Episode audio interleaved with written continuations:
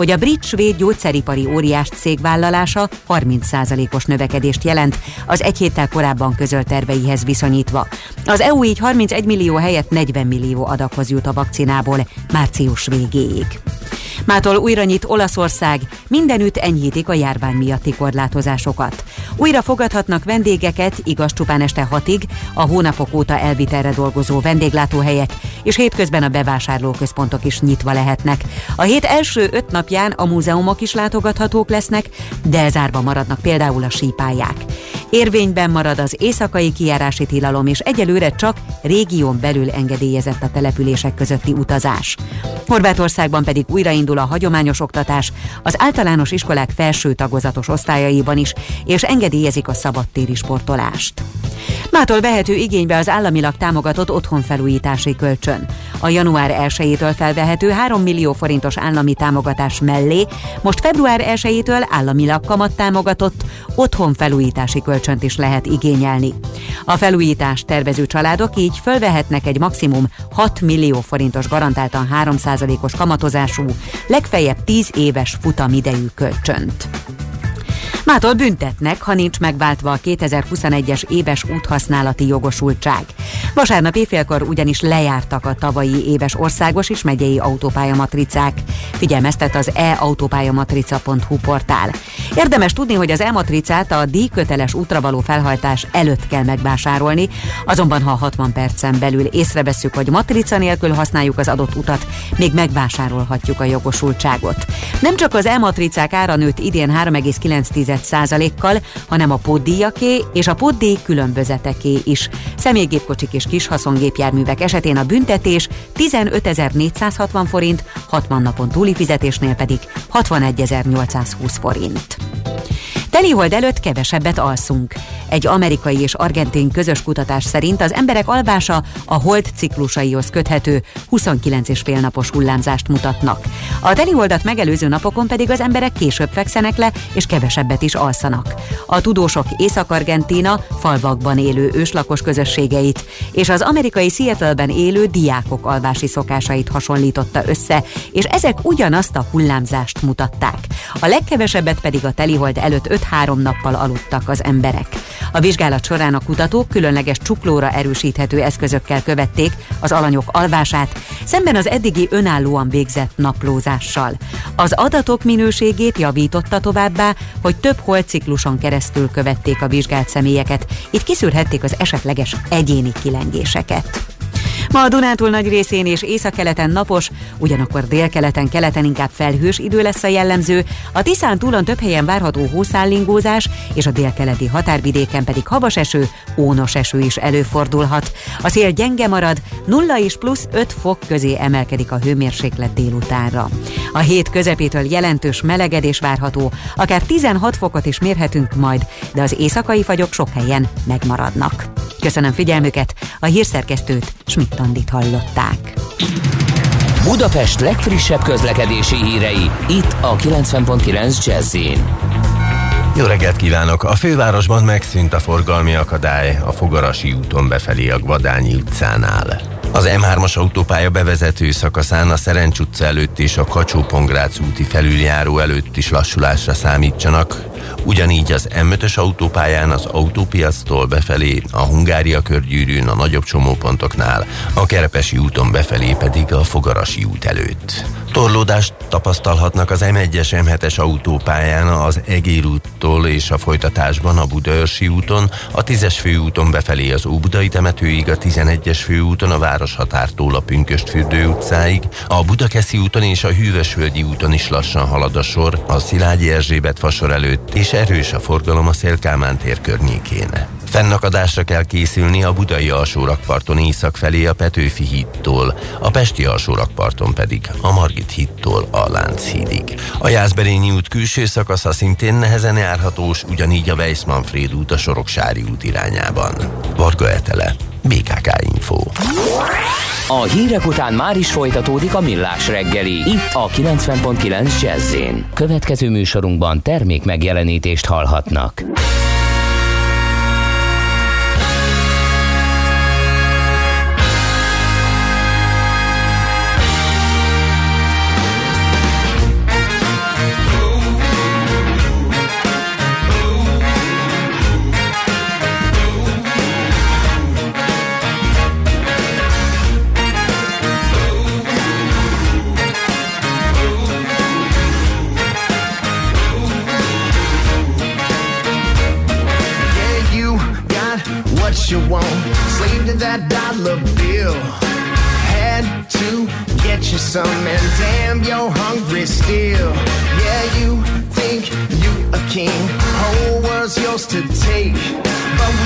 Something you can't buy. Love something you make. That's how we roll. That's how we roll. Can't sell your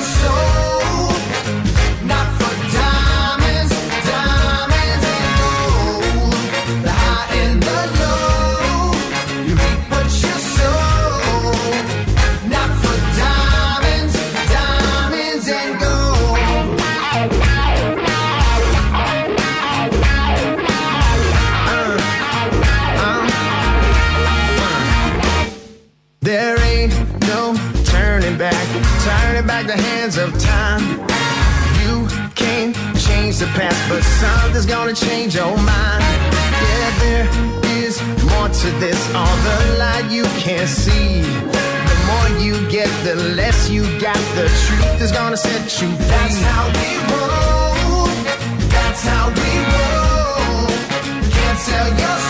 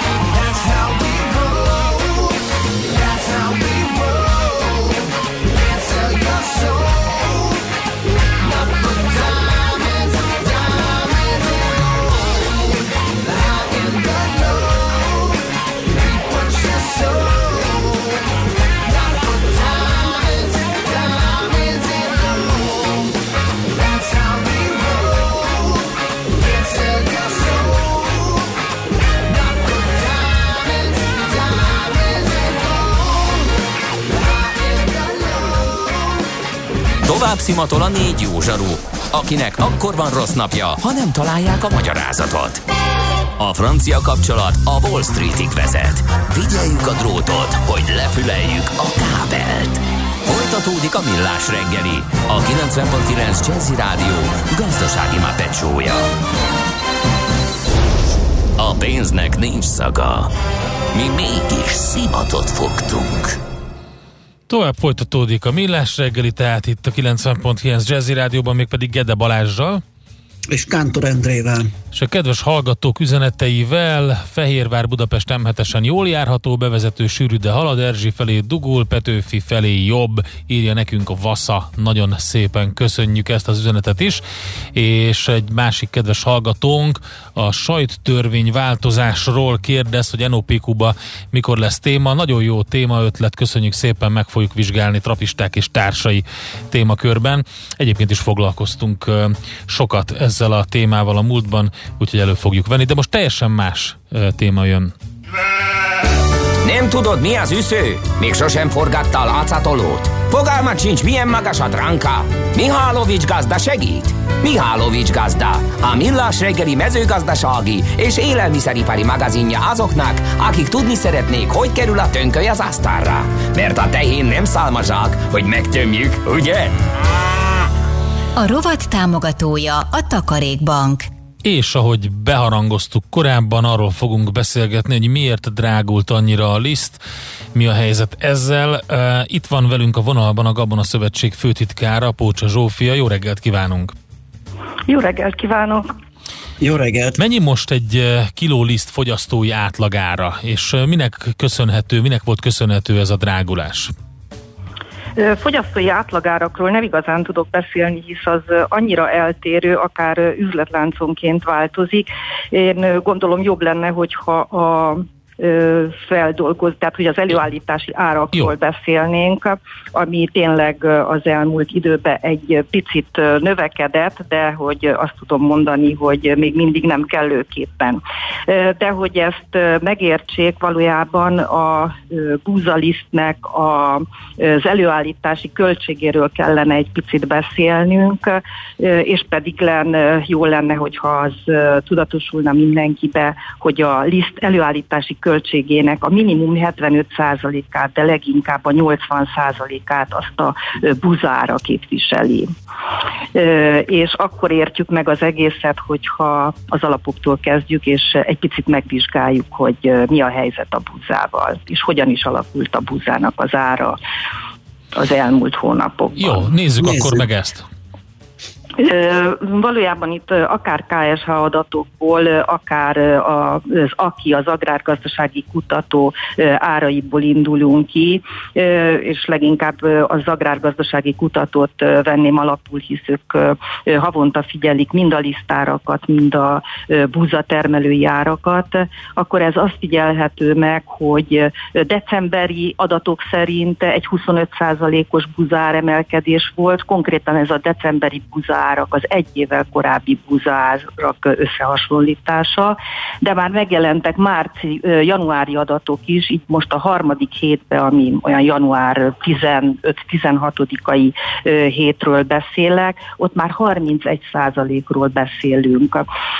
Tehát egy 53 ezer forintos búza, ami egy évvel korábban volt, az most 70 ezer forintra ment fel az ára. Most ehhez képest a lisztnél egy 6,8%-os átlag növekedésről beszélünk. Itt feldolgozói értékesítési árakról beszélünk. Ezek decemberi KSH adatok. Nagy valószínűséggel januárban tovább nőtt a lisztnek a zára, de még mindig a 11 százaléknál, az, az, hogyha az aki adatokat nézzük, még mindig csak 11 százaléknál tartunk a 31 százalék alapanyaghoz képest. Egyszerűen rég volt ilyen évünk, talán 2011-ben, amikor a buzának az ára ilyen látványosan, ilyen drasztikusan növekedett. És nem tudjuk, hogy hol a vége csak uh-huh. decemberhez képest, amikor még ilyen 64 ezer forintról beszéltünk, és reménykedtünk abba, hogy itt a vége. Most már itt vannak a 70 ezer forintos tonnánkénti árakról beszélek, és 70 ezer forint fölötti árakról is lehet már hallani. Úgyhogy ha ez, ez, ez tényleg tartja magát, akkor sajnos nem most beszélünk ebben a szezonban utoljára a lisztáremelésről. Uh-huh. Hát igen, gondolom, hogy így sem ment át a teljes búza áremelés, és hát ez nyilván sokáig nem maradhat így, tehát előbb-utóbb a liszt ára akár jelentősen is drágulhat. Így van, körülbelül a fele ment át, és az sem mindenhol. Tehát, hogy azért nehéz így fogyasztói árakról beszélni, Na. mert hogy hát a lisztár emelés is nem egy egységes dolog, tehát, hogy minden malom akkor emeli, amikor éppen tudja. Mindenki másképp vásárol a piacról, volt, aki már bevásárolt, volt, aki most vásárol, volt, aki majd jövő hónapban kell nagyobb mennyiséget vegyen, tehát, hogy elég nehéz így egységes, nem is lehet egységes árakról beszélni, beszélni, de egy biztos, hogy ha nézzük a piaci árakat és hogy hogy nő a, liszt, a buzának az ára, akkor azt mondjuk, hogy a liszt áremelkedés az csak kullog utána, uh-huh. és jó, ez nagyon érdekes, amit mond. Főleg itt ez a 75-80 százalékos része annak a, a, a liszt árban a, a, a búza ára. Én ezt megmondom őszintén alacsonyabbra gondoltam, és hogyha végiggörgetjük akkor a, az egész ellátási láncon a dolgot, hogy amire a kifli a kezébe kerül a fogyasztónak, hogyha mondjuk nem is lisztet vesz, hanem, hanem valami terméket, akkor, akkor arra mi az, ami ráadódik, akkor ott azért többszörös olyan munkadíjak és mindenféle más van, ami miatt ugye az ilyen jellegű pékáru végtermék drágulásban ő csak pislog, hogy mi történt. Ez így van. Ez így van, tehát hogy ö, alapvetően a kenyérnél egy picit más a helyzet, tehát én arról nem igazán tudok uh-huh. nyilatkozni, ott azért nagyon sok minden közre játszik, viszont a lisztnél ténylegesen ö, az alapanyag ára az, az egy ö, nagyon fontos tényező, hisz 75-80 százalék az nagyon sok. Igen. És hogyha csak az alapanyag ára nőtt ö, ö, ilyen 30-31 százalékkal, az, az rengeteg. És akkor még azt is mellé kell tennünk, hogy az energiaárak nem csökkentek, meg az egyéb terhek, az egyéb költségek sem csökkentek. És az export import... ez a mértékű buzadrágulás? Igen. Ez a rossz termés, vagy a termés átlagos, vagy jó volt, de elvitte az export? Igen, ez egy jó kérdés, mert hogy, hogyha csak a termés adatokat nézzük, akkor valójában a világpiacon a globális termés, termés az jó volt. Hogyha szűkítjük egy picit a kört, és az Európai Unió terméséről beszélünk, az gyengébb volt, mint az előző szezonban, egy jó 20 millió tonnával. Ez már uh-huh. akár lehet egy picit feszültség oka is. Magyarországon egy 5 millió tonna körüli volt a termés, pár százezer tonnával volt kevesebb, mint egy évvel korábban. Viszont az egész világpiacon nagy a kereslet a búzára. A búza és a kukorica nagyon összefügg. Kukoricából valamivel kevesebb lett, a világpiacon korlátozásokat hoztak be, a világpiaci árak is magasak tehát a világpiaci árak is támogatják a hazai árakat. Az oroszok export adót vetettek ki, 25 euró adót vetettek ki a búzatonnájára. Ez is hatással volt az árak emelkedésére. Az ukránok a kukorica exportjukat akarják korlátozni. Azért itt benne van a koronavírus is, mert hogy azért szeretnek tartalékolni is az országok. Tehát, hogy fölértékelődött, nagyon nagy a kereslet, nagyon nagy az export exportkereslet. És ezt érezzük itthon is, hogy igenis keresik a búzát, és kukorica, mivel lehet, hogy szűkösebb, tehát a takarmányipar is jobban ott van, és, és, és mindez a magas búzárakat támogatja. Uh-huh. És a készterméknél, hogyha lisztről beszélünk, mint késztermék, ott az export-import az hogy alakul? Mert ilyen szituációban valószínűsíthető, hogy mindenhol ugyanez a jelen, jelenség jelen van Európában legalábbis. Igen, hát nagyjából igen. Mi hál' Istennek netto exportőrök vagyunk lisztből. Lisztet viszonylag kevesebbet importálunk. Általában akkor szokott import liszt bekerülni az országba, hogyha valamiért olcsóbb, mint a hazai az ára, és exportálni, hát egy ilyen akár 200 ezer tonnányit is exportálunk egy évbe, és leginkább a környező országokba Romániába főként, és igenis van természetesen ott is nagy igény van a lisztra, a magyar lisztre. Milyenek az idei kilátások, mit lehet-e már erről esetleg beszélni? Sem annyira biztató. Ez is talán azért tudják az árak ennyire tartani magukat, és, és ezért egy picit pessimista vagyok az árak tekintetében. Persze a termelői oldalról nézzük, akkor optimizmusról beszélünk. Látni, le, lehet látni, hogy akár még a növekedés benne van az árakba, hisz buzából csak Magyarországon maga a vetésterület is kevesebb volt, közel egy százezer hektárral. Nem tudjuk, hogy hát várjuk hogy, hogy hogy lesz az állapotfelmérések fagyokról olyan nagyon még eddig nem nagyon lehetett hallani, de azért a vetés sem sikerült annyira, 930 ezer hektár vetését tervezték, és nem sikerült elvetni mind a 930 ezer hektárt. Tehát, hogy már élből egy kisebb termésre számíthatunk, még akkor is, ha az időjárási körülmények jók lesznek. Hát remélem, hogy a legközelebb, amikor beszélünk, akkor nem lesz annyira nagy drágulásról szó, de az megmarad bennem, amit mondott az elején, hogy a tendencia az valószínűleg folytatódik a lisztáremelkedésben ebben a szezonban így néz ki. Persze vannak olyan évek, amikor pont csökkenésről van szó, de általában olyankor nem szoktunk beszélni. Oké, okay. nagyon szépen köszönjük az információkat, érdekes volt belenézni a folyamatokba. Viszont hallásra, minden jót. Viszont hallásra. Pócsa Zsófiával, a Gabona Szövetség főtitkárával néztük át egy picit a gabonatermés kilátásokat, és ezen keresztül a liszt árának alakulását. Mihálovics gazda most felpattant egy kultivátorra, utána néz a kocaforgónak, de a jövő héten megint segít tapintással meghatározni, hány mikron a gyapjú. Hoci a pipát meg a bőrcsizmát. Most már aztán gazdálkodjunk a rézangyala. A rovat támogatója a Takarékbank. Következzen egy zene a Millás reggeli saját válogatásából. Muzsikáló Millás reggeli.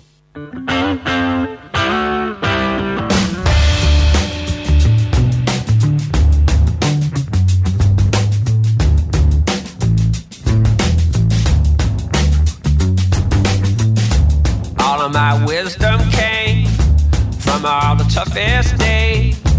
I never learned a thing being happy.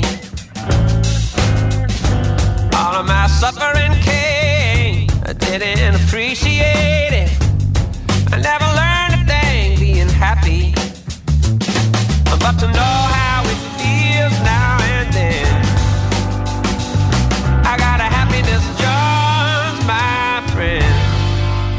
happiness Jones.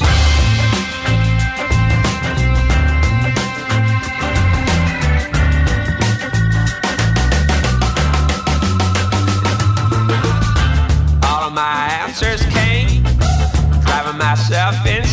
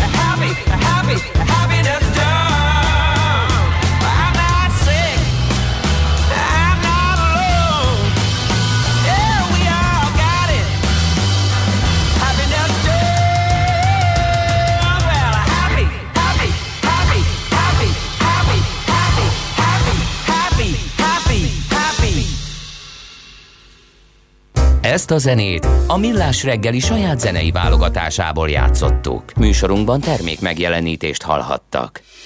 Rövid hírek a 90.9 Jazzin. 9 millió adaggal többet szállít az Európai Uniónak oltóanyagából az AstraZeneca az első negyedévben. Jelentette be tegnap este Ursula von der Leyen. Az Európai Bizottság elnöke elmondta, hogy a brit svéd gyógyszeripari óriás cég vállalása 30%-os növekedést jelent, az egy héttel korábban közölt terveihez viszonyítva. Az EU így 31 millió helyett 40 millió adaghoz jut a vakcinából március végéig.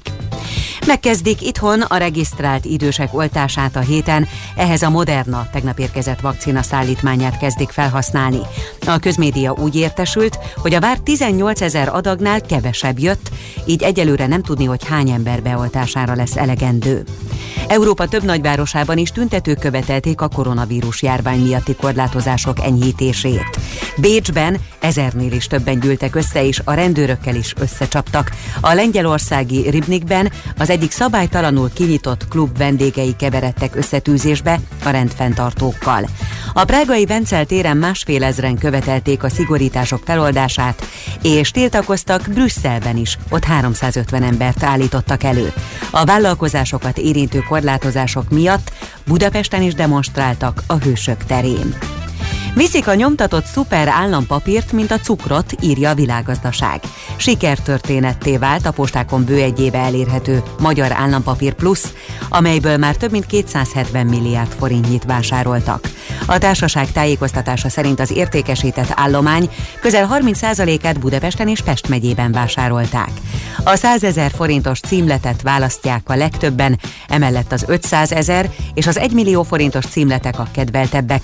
A nyári hónapok óta pedig a 2 millió forintos címlet népszerűsége is emelkedik.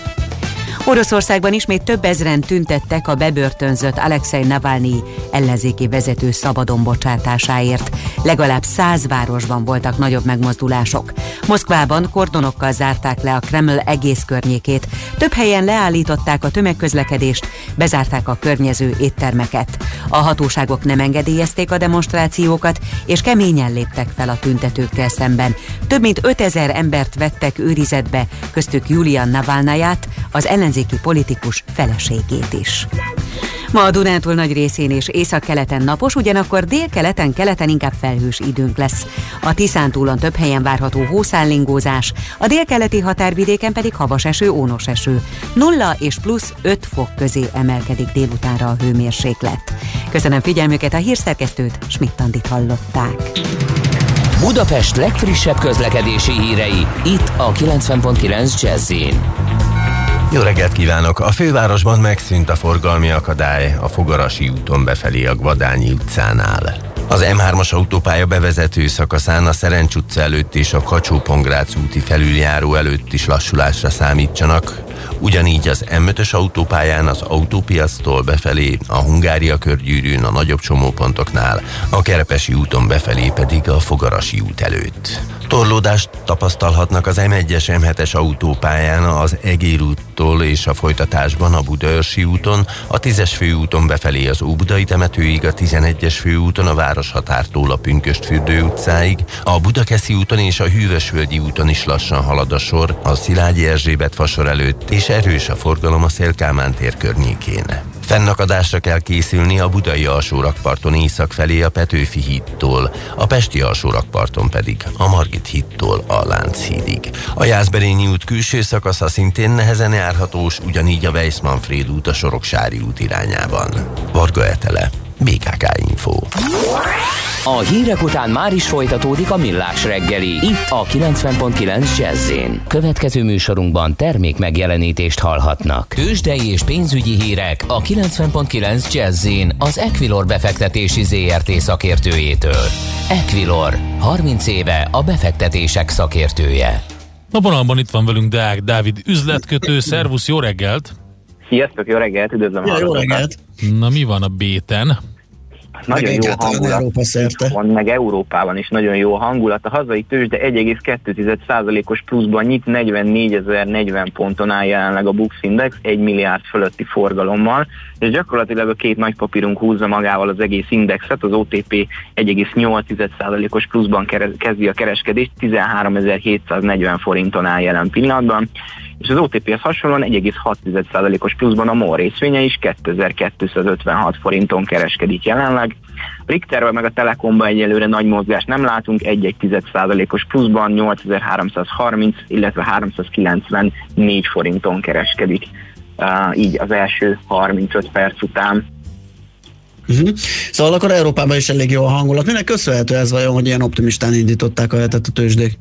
Hát én azt gondolom, hogy azért itt a múlt heti rossz hangulatot egy picit ellensúlyozni tudják. Ugye jöttek jó hírek vakcina ügyben is, hogy mégiscsak sikerült gyártókapacitást növelni, például az AstraZeneca-nak is, és az EU-nak is célja, hogy nyár végére a felnőtt európai lakosság 70%-át be tudják oltani így hát nagyon jól reagálnak egyébként. A tőzsdékén, 1% alatti pluszokat láthatunk mind a német DAX, mind a párizsi Kakaron esetében, és 4%-os pluszban áll az olasz, illetve a, a londoni tőzsde is. És már kérdezik is a hallgatók a legújabbat, amit mindenképpen el kell mondani, mitől megy az ezüst plusz 9% ma? Hát persze, attól, hogy a, a Wall Street Best csoport most az ezüstre ugrott rá. Így úgy, van, hogy... nagyon úgy néz ki, hogy, hogy az ezüst, ezüstre ráugrott. Hát, sztori. Én azt gondolom, 2021 elején azt látjuk, hogy gyakorlatilag a fórumok, illetve a kisbefektetők mozgathatják ezeket a termékeket, mint a GameStop, az EMC, most meg az ezüst. Kíváncsian várjuk, mi lesz a következő aztán, hogy mennyire tart ki az ezüst emelkedése, illetve mennyire lesz volatilitás benne, azt, azt majd meglátjuk a következő napokban, az mindenképpen érdekes, hogy az ezüst azért is fontos. Igen, meg jó ideológiát is mögé raktak, hogy Ez ugye az ezüst az nagyon ilyen belterjes, meg ilyen insider az egész, és akkor így fingassuk meg ezeket a nagy cégeket, és akkor így most erre mentek rá. Hát, izgalmas. 2021 azért tartogat egy pár érdekességet tőzsdei szempontból is ebben biztos vagyok, és az, az mindenképpen ki, ö, fontos még hozzátenni, hogy azért a részvénypiacon valószínűleg olyan volatilitás lesz, ami, amihez nem szokhattak a befektetők, illetve a kereskedők az elmúlt években. Egyébként az ezüstre visszatérve 8 éves csúcson van most uh-huh. a, az ezüst árfolyama ezzel a közel 30 dolláros. Ja, a helyzet a devizákkal, a forintra ráugrottak-e már ezek a tömegek?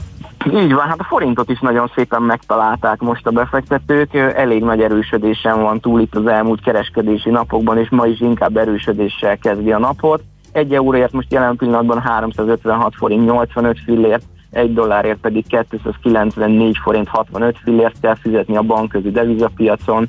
A nagyobb keresztegben egyébként dollár erősödést láthatunk, 1.21.10 most jelen pillanatban az euró-dollár, illetve hát ami még érdekes, hogy a, a régiós devizák is, is nagyon jól erősödnek, sőt a török lira is igen nagy erősödésen van túl, itt a nagy gyengélkedés után a dollár török lira kereszt most bejött a 7,25-ös szint alá, ami azért egy jó pár hónapos török lira erő, úgyhogy van mindenképpen a devizapiacon is érdekesség és mozgás, úgyhogy kiemelten figyeljük itt az eseményeket a mai kereskedési napon.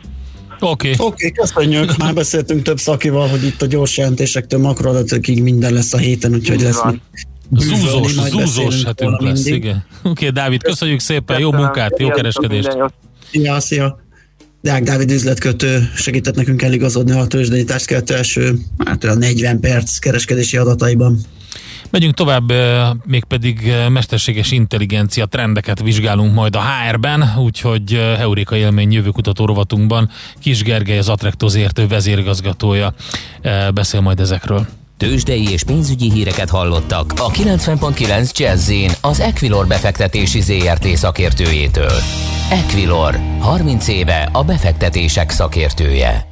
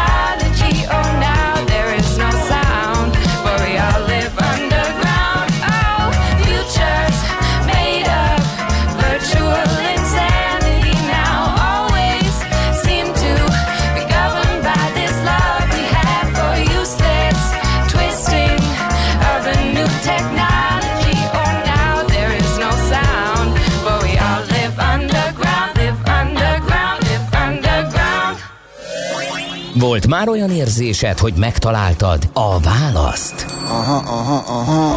Heuréka élmény. Jövő kutatás a millás reggeliben. Csak jövő időben beszélünk. És ahogy beharangoztuk, HR trendeket fogunk nézni, mégpedig mesterséges intelligencia trendeket magában a HR-ben. Kis Gergely van itt velünk virtuális stúdiónkban, az Attracto ZRT vezérigazgatója. Szervusz, jó reggelt! Jó reggelt, sziasztok! Szia, jó reggelt! Erről a témáról már beszélgettünk korábban, de a kérdés az, hogy hogy mi történik most. Egyébként, hogyha egy HR folyamatot megnézzünk, mi az, amit a mesterséges intelligencia tud változtatni benne? Köszönöm, és a kiváló felkonf zenét is köszönöm, amivel egyből tudok is válaszolni erre a kérdésre, hogy Futures Made of Virtual Insanity, ugye, ahogy énekelték az előbb. És amúgy 1996, mert közben meggoogliztam, úgyhogy Jamiroquai személyében egy kiváló futurológust is köszönhetünk egyből, hogy 1996 igen. tolt. Ugye, tehát mindig gyakran beszélgetünk, hogy a mesterséges intelligencia úgy általában arról van szó, hogy rohamos ütemben fejlődik a technológia továbbra is, e, még mindig egy exponenciális görbe mentén, ami azt jelenti, hogy egyre kevésbé, e, egyre rövidebb ideig látunk előre, mert olyan őrült olyan őrült mértékű a, a fejlődés, hogy nagyon nehezen megjósolható, hogy hova tart. A HR-ben, a, a humán erőforrás gazdálkodásban, ugye, mint minden más iparágban, vagy sok más iparágban rengeteg adat keletkezik, ilyen tranzakciós adat, amikor egy jelölt felvételizik a céghez, ott aztán felveszik, eltölt nem tudom én tíz évet, vagy valamennyit, aztán elmegy onnan, közben folyamatosan mindenféle rendszereket használ, őrült mennyiségű adat keletkezik, és ezeket az adatokat az egyre fejlődő technológiával, ami rendelkezésünkre áll, kiválóan lehet használni, különböző célok elérése érdekében. Az, hogy melyik cég vagy melyik HR osztály egyébként milyen célt tekint fontosnak, az, az, az egy másik kérdés, de nagyon sok ponton lehet jól használni a mesterséges intelligenciát ebben az iparágban is milyen újításokat vezetnek be, amit, amit, amik, vá, amik mások, mint a, mint a, hogy is mondjam, mint a felszínes. Tehát ugye van az a mesterséges intelligencia, ami lényegében e, arra használnak, hogy mondjuk jelentkezőket kiszűrjön, e, aztán azt mondja, hogy, e, hogy lehet, hogy tanácsot ad, hogy, hogy melyik irányba kéne, hogy menjen az a jelentkező egy cégnél, de ez az alap szerintem. Tehát, tehát ezen belül van-e valami más, ami, vagy, vagy ami kicsit gyorsabbá teszi, vagy átláthatóbbá, vagy könnyebbé ezt a folyamatot, vagy pedig mindig ez a folyamat valamilyen szinten humán marad? Kiváló kérdés. Egy, egyrészt a, a, ez nem az alap még. Nagyon sok HR vezetővel, meg cégvezetővel beszélgetünk, és egyáltalán nem alap az, hogy ilyen technológiákat használnak a HR-ben. Nagy cégek természetesen régóta kísérleteznek mindenféle dolgokkal. Van egy, van, egy, van sok olyan terület, mondjuk ami például az ATS rendszerek, ugye ez az Applicant Tracking System, ahol követik a jelentkezőket a cégek, ezek, ez egy jól, jól kifejlődött terület már, de az, hogy nagy mennyiségben mondjuk CV-ket mesterséges intelligenciával szűrjenek, vagy a jelölt felvételi folyamatban chatbotokat alkalmazzanak például, vagy a tesztelés során, amikor a jelölteket tesztelik, akkor ilyen rendszereket használjanak, ez még nagyon nem alap. Vannak startupok természetesen, és ahogy mondtam, vannak egészen kiforrott, sőt olyan, olyan, olyan dolgok is vannak, amiket már rég lelőttek, úgyhogy, úgyhogy nyilvánvalóan ez bent van a piacban, de ezeknek a tömeges elterjedése és használata az éppen most zajlik szerintem. Tehát, hogy még, még azért nem tekinthető alapnak. Oké, okay, bocsánat, így lehet, hogy félreértetően fogalmaztam. Tehát én úgy értettem, hogy, hogy ha ezekről a mesterséges intelligencia megoldásokról beszélünk a HR-ben, akkor ez az alapszint, ez kéne, hogy legyen a kezdő, vagy, a, vagy a, a, az első lépés, hogy olyan előszűrő mechanizmusok, amik egy kicsit a, a humán ö, ö, munkaerőt segítik abban, hogyha mondjuk nagyon sok jelölt van, akkor azokat úgy szortírozzák, hogy lecsökkentik a, azt az időt, amit ezzel kéne tölteni. De hogy ezen túl menő dolgokat is lehet-e látni, vagy pedig tényleg csak egy ilyen automatizálásra jók ezek a mesterséges intelligencia megoldások, és utána mindenképpen emberek veszik át a feladatokat? Azokat, tehát megint, mint minden más területen ezen a mesterséges intelligenciával, ez azért átalakítja azt a munkaerőpiacot, ahol dolgoznak az emberek. Nyilvánvalóan sokkal kevesebb időt kell a recruiternek tölteni a, a szűrési idővel, és ezért más minőségi feladatokra tud koncentrálni. Vannak, vannak vannak olyan irányok a prediktív, ilyen előrejelző modellezésben, amik amiket szintén használnak arra, hogy vajon ki lesz a tökéletes jelölt egy bizonyos pozícióra, és akkor ennek vannak ilyen pozitív meg negatív oldalai, hogy már megint ott tartunk, hogy megpróbálják, megpróbáljuk, megpróbálják megjósolni azt, hogy egy embernek az életútja, vagy a, vagy a munkában töltött, nem tudom, minősége az mennyire lesz jó, és aztán ezek általában statisztikailag ki tudnak hozni jó számokat, hogy nem tudom, egy 80%-kal javultunk, meg 90-nel javultunk, ami egy céges szempontból jó, de azok a hibázási lehetőségek, azok nyilván benne vannak, hogy nem minden embert lehet prediktálni. Lehet, hogy valakire azt mondom, és akkor most hozok konkrét példát erre, hogy a HP-nak volt egy olyan megoldása még 2011-ben, tehát nagyon régi ez a történet, de már akkor volt ilyen, amikor a 330 ezer HP dolgozóra mindegyik dolgozó kapott egy pontszámot, a Flight Score nevű pontszámot, ami azt próbálta megjósolni, hogy ő mennyire hajlamos elmenni a cégtől. És akkor ez, ez különböző fizetési adatok, előléptetési adatok, meg ilyen job rotation bent a cégen belül, hogy hogy, hogy, hogy forgott a munkája, ilyen bemenő adatok alapján állították fel ezt a modellt, és akkor megpróbálták megjósolni, és azt találták, hogy egyébként érdekes, mert, a, mert önmagában azt találták, hogy a fizetésemelés, meg a, meg a gyors előléptetés az általában lejjebb viszi ezt a pontszámot, de például a salesben feljebb vitte. Tehát, Aha. hogy a analitikailag ugye kijött, hogy a, a salesben, ha, ha gyorsan előre lép az ember, meg a fizetéseket kap, akkor valahogy az jött ki, hogy gyorsabban fog elmenni a cégtől. Hát akkor magasabb De pozícióból, tud, magasabb pozícióból tud dobbantani akkor, egy magasabb pozícióból tud átlépni egy másik helyre, tehát egy kívánat, Igen, kívánatosabbá válik. De az van ezer mérnök, meg illetve Aha. nem 1330 ezer, ahogy mondtam, miért pont a sales? Igen, ez érdekes. Igen. Piacorientáltabbak, aktívabbak. Na minden, nem is ez a lényeg, nem ezt akartam kihozni belőle, hanem hogy, hogy ez megint a, arra a típusú etikai kérdésre csatol rá, amit ugye folyamatosan előhozunk, illetve nyilván ennek, az, ennek a mesterséges intelligencia világnak egy nagy, nagyon fontos feladata, és nagyon sok ember, egyre több ember fog ezekkel az etikai kérdésekkel foglalkozni, hogy vajon etikus-e az, hogy pontszámot aggatunk a dolgozóinkra, akik Igen. egyébként erről nem is tudnak, és utána ez alapján hozunk döntéseket. Természetesen a kommunikáció az az, hogy csak pozitív irányban használják ezt a rendszert. Tehát hát jó, jó, nyilván. Meg minden használták, és amennyire tudom egyébként, erre nem emlékszem jól, és nem is tudtam utána nézni, de mintha a, a, a mint hogyha ezt, ezt kivezették volna 2013-ban már ilyen etikai okok miatt ezt a rendszert, de ugye nincsenek illúzióink, nyilván, hogyha ezt meg lehet tenni, és ezen rengeteg pénz múlik, mert a HP is egy 100 milliárd dollár fölötti cég rengeteg dolgozóval, akkor, akkor használják ezeket a technológiákat.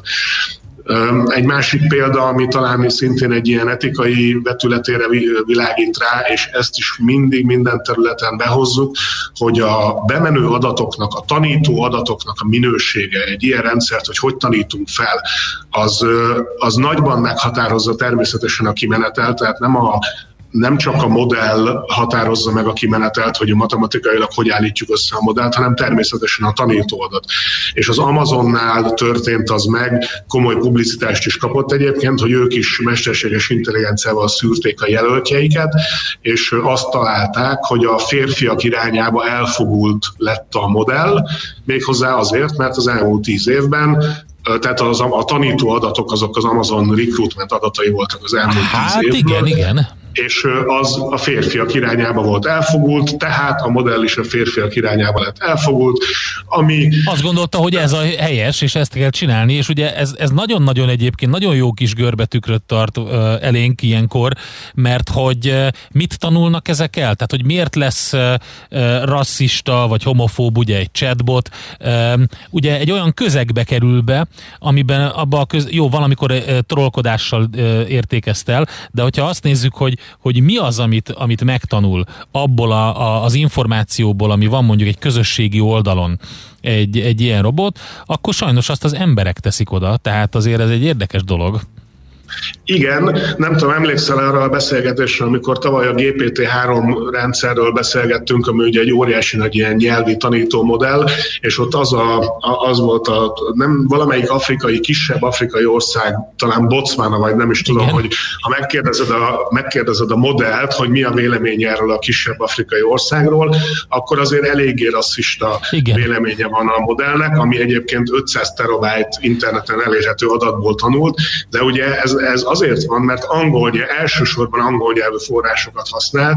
Nyilván, hogyha a saját nyelvén a afrikai ország saját nyelvén ö, megtalálható forrásokból tanult volna a modell, akkor ez az ország mindjárt egy hősi, ö, hősi tetteket végrehajtó nagy, nagy jövő előtt álló országként jelenne meg. És ugyanígy a HR-ben az, hogy az, hogy milyen, milyen adatokkal tanítunk, az meghatározza a kimenetelt, és valóban azzal nem lehet, mint ahogy a bűnügyi rendszereknél ugye is ez kijött, hogy a, az előrejelző rendszerek, azok a fekete vagy színes bőrű embereket, azokat magasabbra pontozzák Amerikában a, a rendőrségi mesterséges intelligencia rendszer. Egész egyszerűen az elmúlt 50 évnek a történelme miatt, de ez egyáltalán nem biztos, hogy, hogy ez tény alapú 20-21-ben. Hát persze, nyilván nem. Hát hanem meg, hogy... tény volt esetleg 70-es, 80-as, 90-es, nem tudom mikor hát, években, és igen. akkor még, egy, még, még Szóval még az is lehet, hogy maga a rendszer vitte bele ezt a hibát, amit most aztán konzerválunk. Na pont ezt akartam mondani, ugye, hogy elfogult volt a rendszer, abból lettek az adatok, és azt tanulja meg most, a, a, tehát ahogy te is mondtad, konzervál. Na de mit tud, mit tud próbálnám, egy ilyen... Próbálnám, bocsánat, menteni az Amazon HR-eseit, amennyiben ez lehetséges, hogy a munkakörök mennyire befolyásolják, ugye az is az input adatok összetételét meghatározhatja, tehát egy Amazon azért erősen ilyen logisztikai fizikai cég is, nem csak kereskedő cég, sokat kell pakolni, sok a fizikai munka. Tehát Igen. biztos, e, az, hogy, hogy valamiféle negatív megkülönböztetés, vagy pusztán a munkaköri adottságokból jött az össze, hogy olyan férfi túl súlyos lett a dolog, és aztán persze ezt tanulta meg a mesterséges intelligencia, vagy ebből szűrt le olyan következtetéseket, hogy itt, itt a férfiakra kell koncentrálni. Igen, ez egy nagyon vékony vonal, hogy, hogy hogy táncolunk rajta szerintem, hogy mi az, amit meghagyunk, és akkor vissza, visszatérve az Endre korábbi kérdésére, hogy a HRS-nek a, a feladata, felelőssége, szerepe a jövőben, még nem tartanak ott ezek a mesterséges intelligencia rendszerek, hogy emberszerűek lennének, és és nem is biztos, hogy valaha fognak, ez egy, megint egy másik beszélgetés. Tehát természetesen az, hogy egy ember megítéljen egy másik embert, vagy összevesse a vállalati célokat a jelöltnek a, a kvalitásaival, vagy tapasztalataival, az, az része lesz még ennek a folyamatnak. Én nem tudom, hogy nem tudom, valószínűleg vagy, vagy nem, nem tudom, en, en, itt nem vagyok tisztában a tényekkel, hogy van-e olyan vállalat a világon, ami már teljesen kihagyja az embert ebből a folyamatból, de azért kétlem.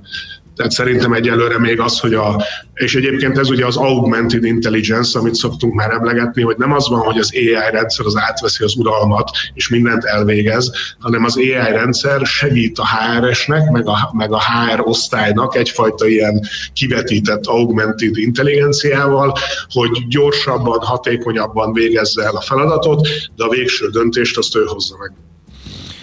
És egyébként ne, egyáltalán nem biztos, hogyha már belegondolunk, hogy, hogy az ember nem elfogult. Tehát ugyanúgy megvannak a, ugyanúgy prejudikálunk, ugyanúgy megvannak a, a különböző gyorsan kialakuló véleményünk, tehát egy ember HRS is ugyanúgy hibázhat, csak ugye nyilvánvalóan ez egy már nagyon régóta megszokott dolog.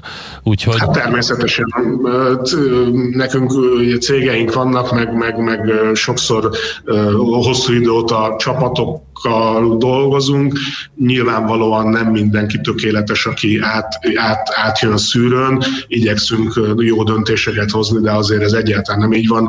Egy AI rendszer ebben tud segíteni, mondjuk amikor a, meg, meg, a, meg a tömegnek a kezelésében tud Aha, segíteni. Igen. Tehát Igen. az, amikor, amikor nagy, nagy, tehát mondjuk egy ember az elfárad, vagy lehet, hogy azt mondja, hogy jó, az első százat átnéztem, most akkor elmegyek haza, de valójában 270 jelölt van, és akkor a második 170-ből lehet, hogy a jót nem találja meg. Igen. Mondjuk amikor egy chatbot rendszerrel intézzük a recruitmentet, akkor úgy az nem fárad el, és elő tudja szűrni, priorizálni a legjobb jelölteket a lista tetejére teszi, de természetesen csak a saját maga véleménye szerint, ugye nyilván a HRS-nek itt is van egy ilyen döntési szabadsága, úgyhogy, úgyhogy a hatékonyságot növeli, és amikor meg a, a dolgozó vagy a kolléga már bent van a cégnél, és járja végig azt az életutat, hogy ő ott egy elégedett ember legyen, egy méltó körülmények között dolgozzon, lássa maga előtt a jövőt, fejlődjön, tanuljon, akkor abban ugyanúgy a, a végső soron a hatékonyságban tudnak segíteni ezek a rendszerek, ugye oktatási rendszerek, a, céges kultúra, céges szabályzatoknak a, a betonítása, vagy ugye mostanában egyre több helyen ilyen virtuális valóságban lehet a nagy autógyáraknál láttam ilyen use case hogy a, felveszi a szemüveget az ember, és akkor a motor beléz a motorháztetőbe, és akkor egyből így zöld, piros, kéken kiemeli azokat az alkatrészeket, amikhez hozzá kell nyúlni megfelelő sorrendben. Úgyhogy itt is nem a végső döntést hozza meg a mesterséges intelligencia, hogy na, pontosan milyen irányba kell elmenni, a pontosan az embernek a jelenfejlődések, soft skillek, nem tudom én hova kell, hogy tartsanak, hanem amikor ezek megvannak, akkor utána tud nagyon sok hatékonyságot adni. Hát izgalmas minden esetre. Reméljük, hogy ez a veszélyes vizek, amik, amikről beszélgettünk, ez, ez egyre kevesebb ilyen lesz. Gergő, köszönjük szépen, érdekes téma volt. Folytatjuk majd a mesterséges intelligenciával a beszélgetéseinket. Jó munkát nektek, szép napot! Jó munkát, köszönöm, szép napot, sziasztok! Kis Gergelyel beszéltünk, az Atrecto ZRT vezérigazgatójával, mesterséges intelligencia trendek a HR-ben. Keuréka élmény, a millás reggeli jövőben játszódó magazinja. Mindent megtudtok. Majd. Meg is jött a 100 millió dolláros kérdés, attól a kedves hallgatótól, aki megkérdezte az ezüstöt, hogy mi történik vele, hogy 9% pluszban van. Azt írja, köszönöm a választ, ülök benne egy ideje, talán holnap ki lehet szállni. Meddig mehet? Tette föl a kérdést. Hát ez az, ez az, a meddig mehet, ugye? Hát azt tudnánk, azt nem hallanák, kedves hallgató, mert akkor valószínűleg nem itt töltenénk a reggeleinket. Úgyhogy ez egy ilyen paradox helyzet. Viszont holnap megint itt töltjük, vagy itt tölti valamelyik páros közülünk, Akkor mert nem. lesz reggeli. Tessék? Ács Mihálovics. Ács Mihálovics, hát akkor pont a másik két Figyelj, most úgy lesz, hogy, hogy, hogy, hogy, hogy Ács Mihálovics holnap, aztán szerdán megint mi, aztán csütörtökön megint Ács Mihálovics, úgyhogy kezdhetünk is egy jó játékot. Mit is mondtak rólunk a múltkor? A csetünkön valami volt, ami... Ja igen, azt nem tudjuk adásba elmondani, ezt a kifejezést, de minden esetre ti vagytok azok, nem mi. Ezt üze, üzenem. Köszi a mai megtisztelő figyelmet, hírek jönnek, Schmidt Andél, aztán zenék, délutáni programok, uzsonnak, amat happy hour, szép napot mindenkinek, sziasztok! Sziasztok! Már a véget ért ugyan a műszak, a szolgálat azonban mindig tart, mert minden lében négy kanál. Holnap reggel újra megtöltjük a kávés bögréket, beleharapunk a fánkba és kinyitjuk az aktákat. Addig is, keressetek minket az arcaktákban, a közösségi oldalunkon. A mai adás podcastjét pedig holnapunkon. Millás reggeli, a 90.9 Jazzy Rádió gazdasági Muppet show-ja. Ha csak egy műsorra van időd idén, tégy róla, hogy ez legyen az. Csak egy dolog lenne még. Műsorunkban termék megjelenítést hallhattak. Reklám. A DM és a Katolikus Karitász tíz éve indította el az Együtt a Babákért programot. A jótékonysági akcióval évről évre 260 nehéz körülmények között élő kisgyermekes családnak biztosítanak fél évre elegendő pelenkát.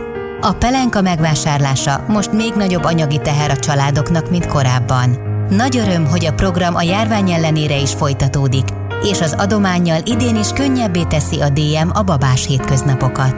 DM együtt egymásért, együtt a babákért. Kárglász javít, Kárglász cserél. Daniel, 34 éves Kárglász autóüvegszerelő. Télen a fagy nagy ellensége az elhanyagolt szélvédőknek. Gyakran tovább repednek a kőfelverődések. Mi itt a Kárglásznál nagy eséllyel meg tudjuk menteni a szélvédőt javítással. Ha a szélvédő már elrepett, gond nélkül kicseréljük. Ráadásul kaszkos autóknál rendszerint mindent intézünk a biztosítók felé. A kaszkó jó voltából nálunk a Kárglásznál a javítás legtöbbször ingyenes. Igen, ingyenes. Kőfelverődéses vagy elrepett a szélvédője? Keresse a Kárglászt 0680 44 22 90 vagy www.carglass.hu Kárglász javít, Kárglász cserél. Reklámot hallottak. Hírek a 90.9 Jazzin. A vártnál kevesebb Moderna vakcina érkezett vasárnap. Mától újra nyit Olaszország. Délkeleten hó, máshol száraz idő és napsütés várható. Jó napot kívánok a mikrofonnál, Schmidt Andi. Megkezdik itthon a regisztrált idősek oltását is a héten. Ehhez a Moderna tegnap érkezett vakcina szállítmányát kezdik felhasználni.